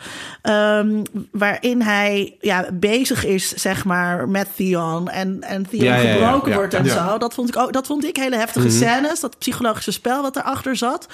Ja, en toen weer wist gewoon dat als Sansa dan met hem is... dat hij dan haar hele vrede dingen gaat aandoen. Dat vond ik dus Ja, niet de- zo'n verrassing Maar is het dan niet daarom eigenlijk de enige manier om de, om de, eh, de hele scène interessant te maken door het vanuit zijn oogpunt te bekijken en juist niet vanuit Sansa, want je weet hoe zij erin staat. Je weet al de hele tijd dat alles wat hij doet verschrikkelijk is Ja. en dat ze tuurlijk die hele die, hele scène zij distancieert zich van wat er aan de hand is, want ja, je, Ja, zij zoomt uit. En, eh, ja. je moet wel. Dat is de enige manier om Ja. dat moment te overleven. En hij kan dat niet. Ja. Hij kan niet uit zijn lichaam treden Nee. en negeren wat er gebeurt. Want Maar wel, dus hij, hij was al gebroken voor zichzelf, zeg maar. Ja. Zij had, bij zijn eigen lot heeft hij zich neergelegd. Dat Ja. is ook heel interessant. En dat dan de pijn die een ander aangedaan wordt... voor hem de reden De is... trigger om, is, ja. om, te, om, om, zich, om, om eruit te snappen. En, Ja. eh, en, ja. Ja. Hey, jullie zeggen echt trouwens dat, dat Ramsey echt een intens kwaadaardig karakter is. Daar is hij best wel uitzonderlijk in, in Game of Thrones. Maar ik denk dat we in de laatste seizoenen dat misschien meer zien. Nou ja, Joffrey was natuurlijk ook een uitzonderlijk kwaad. Ja. Maar dat, dat zie je nu ook gebeuren met ehm, Cersei natuurlijk. Maar ik heb op een gegeven moment het idee met de latere seizoenen... en ik weet niet hoe jullie daar ook in staan... dat ik het idee had dat het minder goed werd... op het moment dat ze de boeken los begonnen te laten. Dat je dan minder complexiteit in de karakters hebt... dat de plotlijnen wat, wat simplistischer Er worden. wordt een beetje dingen worden afgeraffeld. Ja. In één Ja, keer blijkt het helemaal niet zo'n eind lopen.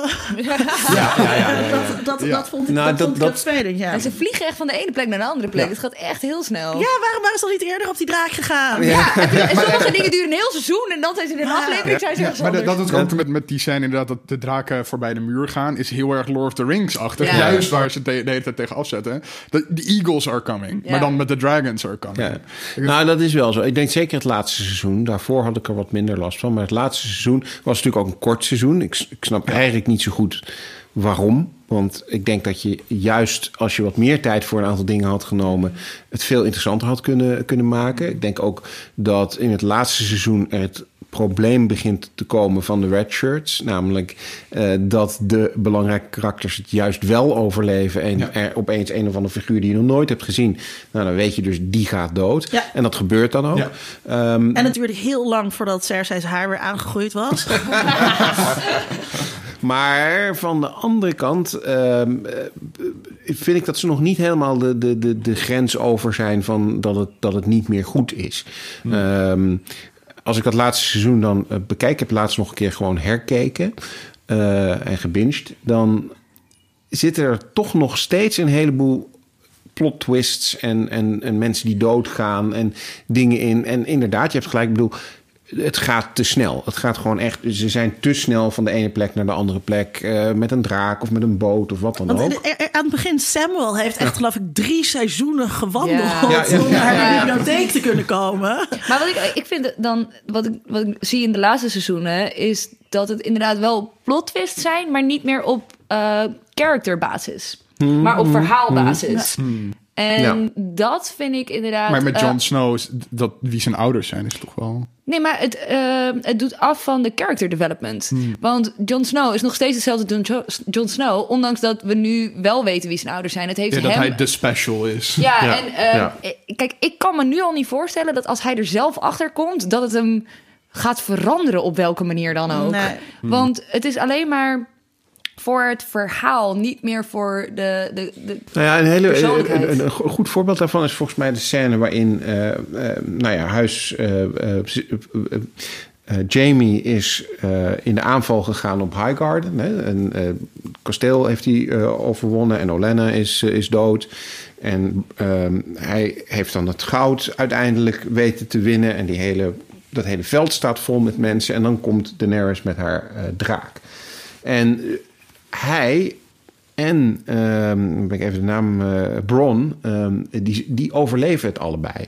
En, het, en, en Tyrion die staat daarnaar te kijken. Hè? Die staat op dat veld te kijken naar wat er allemaal gebeurt. En die ziet zijn broer daar en hij ziet Bron daar. Allebei mensen waar hij een, een band mee heeft.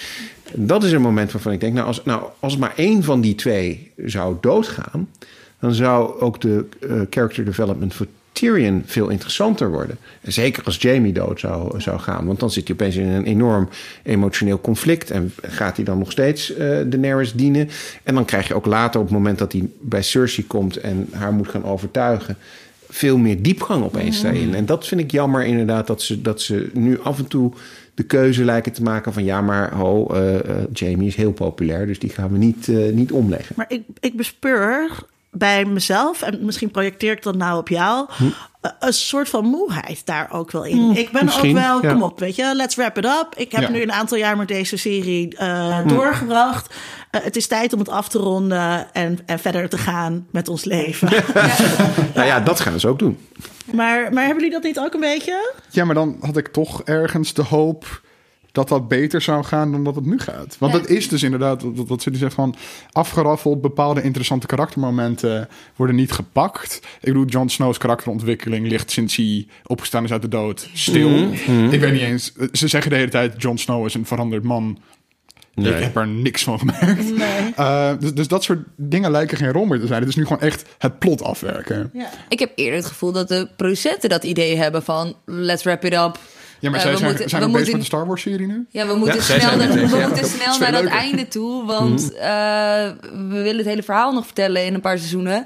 En terwijl, wat mij betreft, mag het best wel nog een tijd duren. Zolang het weer goed gedaan, echt met Ja. diepgang gedaan wordt. Ja. En ehm, hoe verrassend het was in het begin, zo niet verrassend is het nu. Ja. En nu kijken we alleen omdat we en heel invested zijn. En omdat het er heel mooi uitziet. En dat we Die toch wel willen weten hoe het eindigt. Ja, precies. En omdat, maar dat, dat hou ik toch wel voor, want dat zei ik net ook al, omdat het ook niet slecht is. Het Nee, is, zeker Het niet. is niet, ben ik met je eens, niet meer zo goed als Ja. het in het begin was. Maar het is nog steeds best wel goed. Misschien hebben ze de lat ja, te hoog gelegd voor Ja. zichzelf in de eerste Ja, seizoenen. Dus je moet, je moet jezelf misschien ook hebben, we hebben het met Star Wars ook al over gehad. Je moet, je moet jezelf ook niet laten verzuren in het Nee. idee van, oh, nu is het opeens een hele slechte serie. Want dat is nou ook weer Zeker niet zo. niet. Nee, nee, maar dat zei ik ook niet. Maar ik, ik, ik, maar ik ben er wel. Van mij mag het afgerond worden. Ja. Dat Ja. is het. Dat. dat eh, ik vind het helemaal niet slecht, maar kom op. Mhm. We, we doen een einde en dan zie ik uit naar alle komende seizoenen Westworld en naar de Star Wars-serie. Ja, en dan gaan we al dat talent inzetten om weer iets nieuws eh, te gaan doen. Want dat is ook, hè, dus ik, nu zitten we ook een beetje te speculeren van wie gaat er nu allemaal dood. Weet je wel, we kennen het trucje, kennen we natuurlijk ook wel een beetje. Ja, er zijn, er zijn niet veel meer extra gekke dingen die we kunnen vermoorden. eh, die, die kunnen, We kunnen gebeuren. vermoorden. Ja, maar we hebben ook gewoon... we hebben- Oh, dat zou leuk zijn als die draken gewoon doodgaan in de Allemaal, eerste maar die, gaan- aflevering. die ja. gaan dood. Ja, maar dat is niet in de grote Oh, finale. Nee, maar gewoon meteen weet je... Oh nee, we doen toch niks met die kut. Klaar, het is te duur met de CGI. Waar, waar kijk jij meer naar uit? Naar de series of naar de films, Tom? Naar de series of de films? De, de series of de, boek, de, de nieuwe seizoenen, zeg maar nieuwe seizoen, of dat de boeken uitkomen? Ehm, de, ah, dat vind ik een moeilijke. Ehm, Gewetensvraag. ja, Ehm, ik denk de boeken.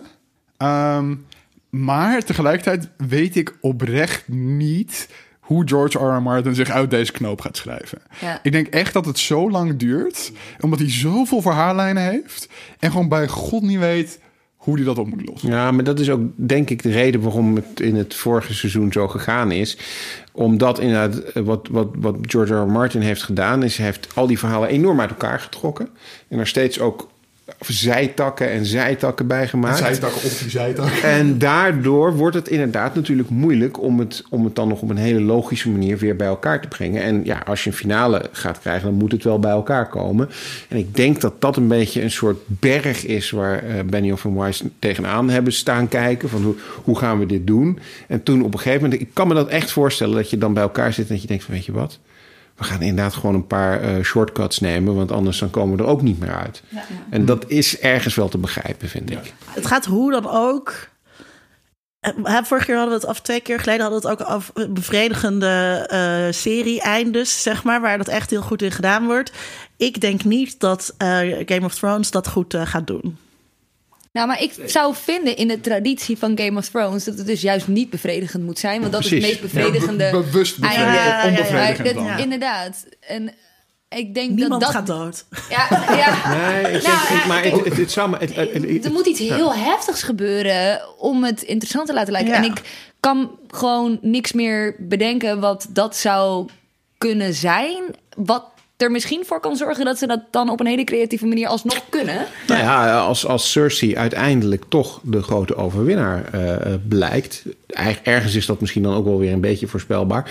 Maar ehm, dat is natuurlijk zeer onbevredigend. Maar dat zou Ja. op zich wel passen, denk ik, in de Ik zou het traditie in de van Game of traditie van Thrones. Game of Thrones inderdaad wel ehm, een gepast einde vinden. zijn Omdat ik het niet zou willen. Er zijn in ieder geval mensen waarvan ik echt hoop dat ze doodgaan. Allereerst natuurlijk Clarice van Houten. Nee, de, de, de- de- het karakter dat ze speelt, hè, niet de actrice. God, en dan krijg je weer de titel van Clarice te zien. Alsof we dat niet al de hele tijd overal zien. En ze gaat maar niet dood. Maar ze Maar er zijn terug, nog heel ze veel terug. dingen die eh, geïntroduceerd zijn... waarvan ik denk, het gaat niet meer terugkomen. Het feit dat ze die ketting afdoet Ja, ja, ja, en dat ze dan heel oud is. En denk ik, ja, dat zijn dingen die dan interessant zouden zijn om te behandelen... als de serie langer zou duren. Ja. Als je de series, eh, de, de, de afleveringen niet heel erg baseert op dat grote geweld... maar op het, Op die Ja. personages Ja. en je ja, karakterontwikkeling. op het daadwerkelijke verhaal. Weten we al hoeveel eh, afleveringen het laatste seizoen gaat zijn? Zes. Ja, Zes maart. nog korter. Ja. Ja, maar het was eigenlijk de bedoeling dat, bizar. er, dat Maar- het na seizoen 7 klaar zou zijn. En toen zeiden Benioff van Weiss, zeiden... We hebben toch nog wel echt op zijn minst drie extra afleveringen nodig. En toen zei Game of, eh, HBO, is goed, maar dan splitten we het op. Ja. En het, is, eh, het zijn wel lange afleveringen. Dus het is de, in die zin zes, zes afleveringen. Maar als ik het goed heb begrepen, zijn het wel allemaal afleveringen van meer dan een uur. Dus, dus in die zin eigenlijk toch nog wel een redelijk vol seizoen. Ja. Ja. Nou Dat snap ik trouwens ook niet. Waarom, waarom moeten de eh, afleveringen elke keer langer worden... in plaats van dat we gewoon meer afleveringen krijgen? ja, dat is een goede vraag. Omdat je Dat- dan dat verhaal anders vertelt? Ik weet het niet eigenlijk. Ja, ik, ik ben er oprecht benieuwd naar wat de voordelen zijn van een lange aflevering tegenover.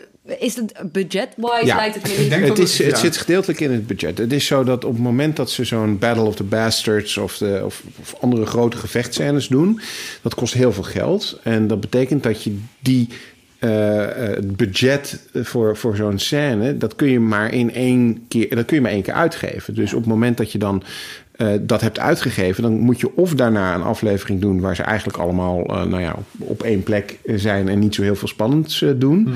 Ja, of je moet zo'n aflevering dus inderdaad wat langer maken, waardoor je gewoon meer haalt uit dat, eh, uit dat budget. Ja, wat ik, wat ik het meest mis in de, in de nieuwe afleveringen zijn die dialogen. En ik denk dat ehm, eh, als je het hebt over Jamie, eh, die, dat, zeg maar de hele battle, het meest interessante vond ik zijn dialoog met ehm Olenna. ja. Ja, zeg maar dat s- ze daadwerkelijk een gesprek hebben. Ehm, dat vond ik dan het allermooiste. Dan denk ik, ja, dat, dat kostte het minste. Ja, Ja. ja. Maar ja, dat klopt. en en dat zit je Maar altijd is dan de angst ja. voor het niet hebben van een groot gevecht in een aflevering? Nee, het is, denk ik, het, is, het is dus budgetair. Je kunt niet in iedere aflevering een groot gevecht hebben, omdat ze daar gewoon het budget niet voor hebben. Maar en dat ze sparen dat voor. Nee, dat klopt. Maar, maar ze hebben ook steeds meer budget gekregen. Ehm, dat, dat, je zag het bijvoorbeeld vroeger ook in Star Trek-series. Wat je heel vaak zag is als er een hele dure aflevering was met heel veel eh Borg-battles en weet ik veel wat. Dan kreeg je daarna een aflevering waarin ze samen in een kamer zaten en niks anders deden. En dat komt gewoon omdat er geen budget meer is voor de special effects. Hè, dus dat is ook bij Game of Thrones, ondanks dat het eigenlijk natuurlijk gewoon een budget voor een heel seizoen is, is het toch ook wel per, per aflevering eh, een budget. En dan pakken ze een deel van het budget van de volgende aflevering om dus die grote gevechten te Maar kunnen willen ze dan maken. een bepaalde.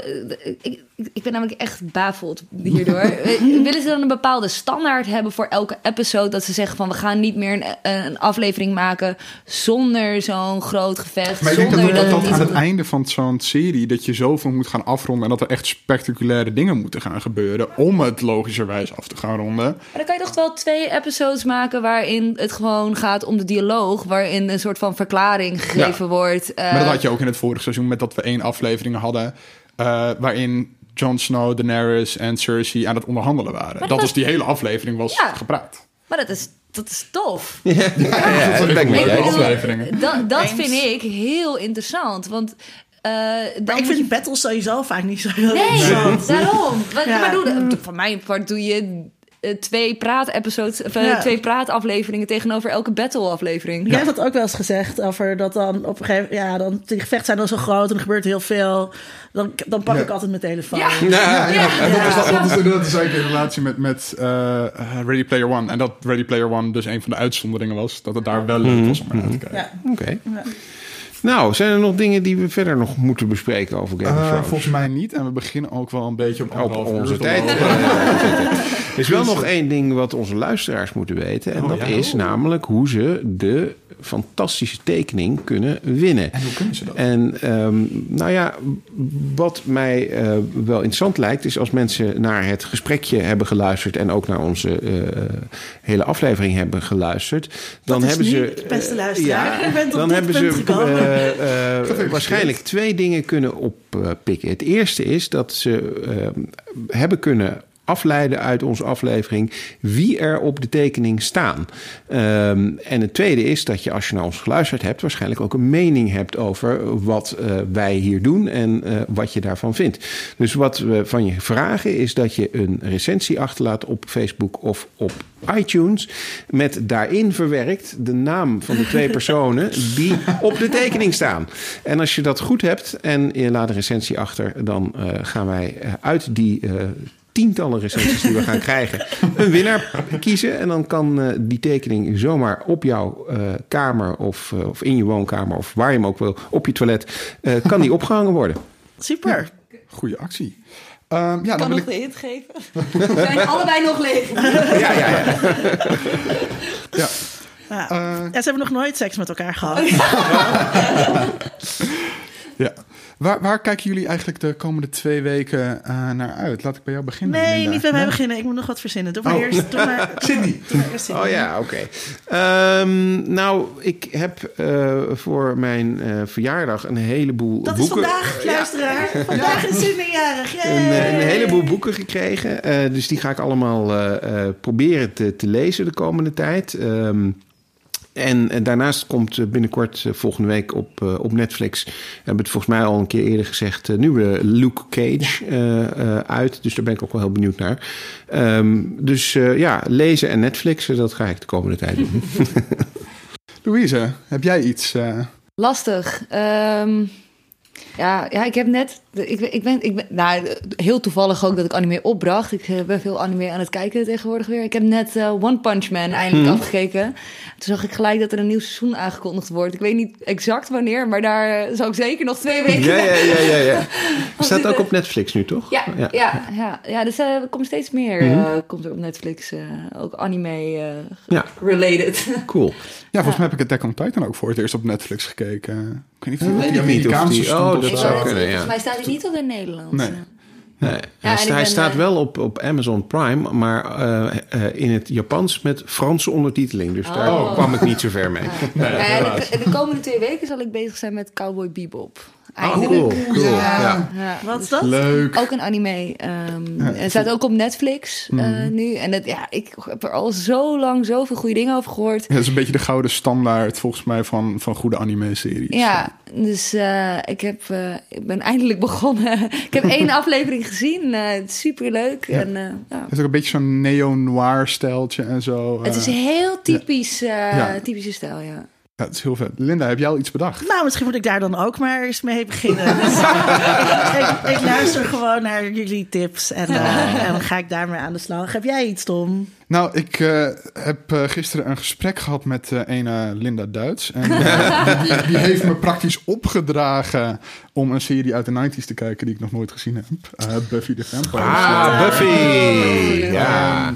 Dus zodra al mijn deadlines zijn geweest, en dat is eh, over twee weken, eh, ga ik daaraan beginnen. Dus Dat is mooi, ik, want eh, dan kunnen we eindelijk een Buffy-aflevering gaan maken. dat zou dan wel leuk ja, zijn, inderdaad. Ja, Eh, ja, ja. We hadden ook nog, ook nog allemaal, dat gaan we straks dan bij de vergadering denk ik ook bespreken. Maar Tom en ik hadden ook nog weer allerlei andere ideeën voor afleveringen die we kunnen maken. En misschien vindt de luisteraar, heeft, misschien hebben de luisteraars ook wel ideeën van.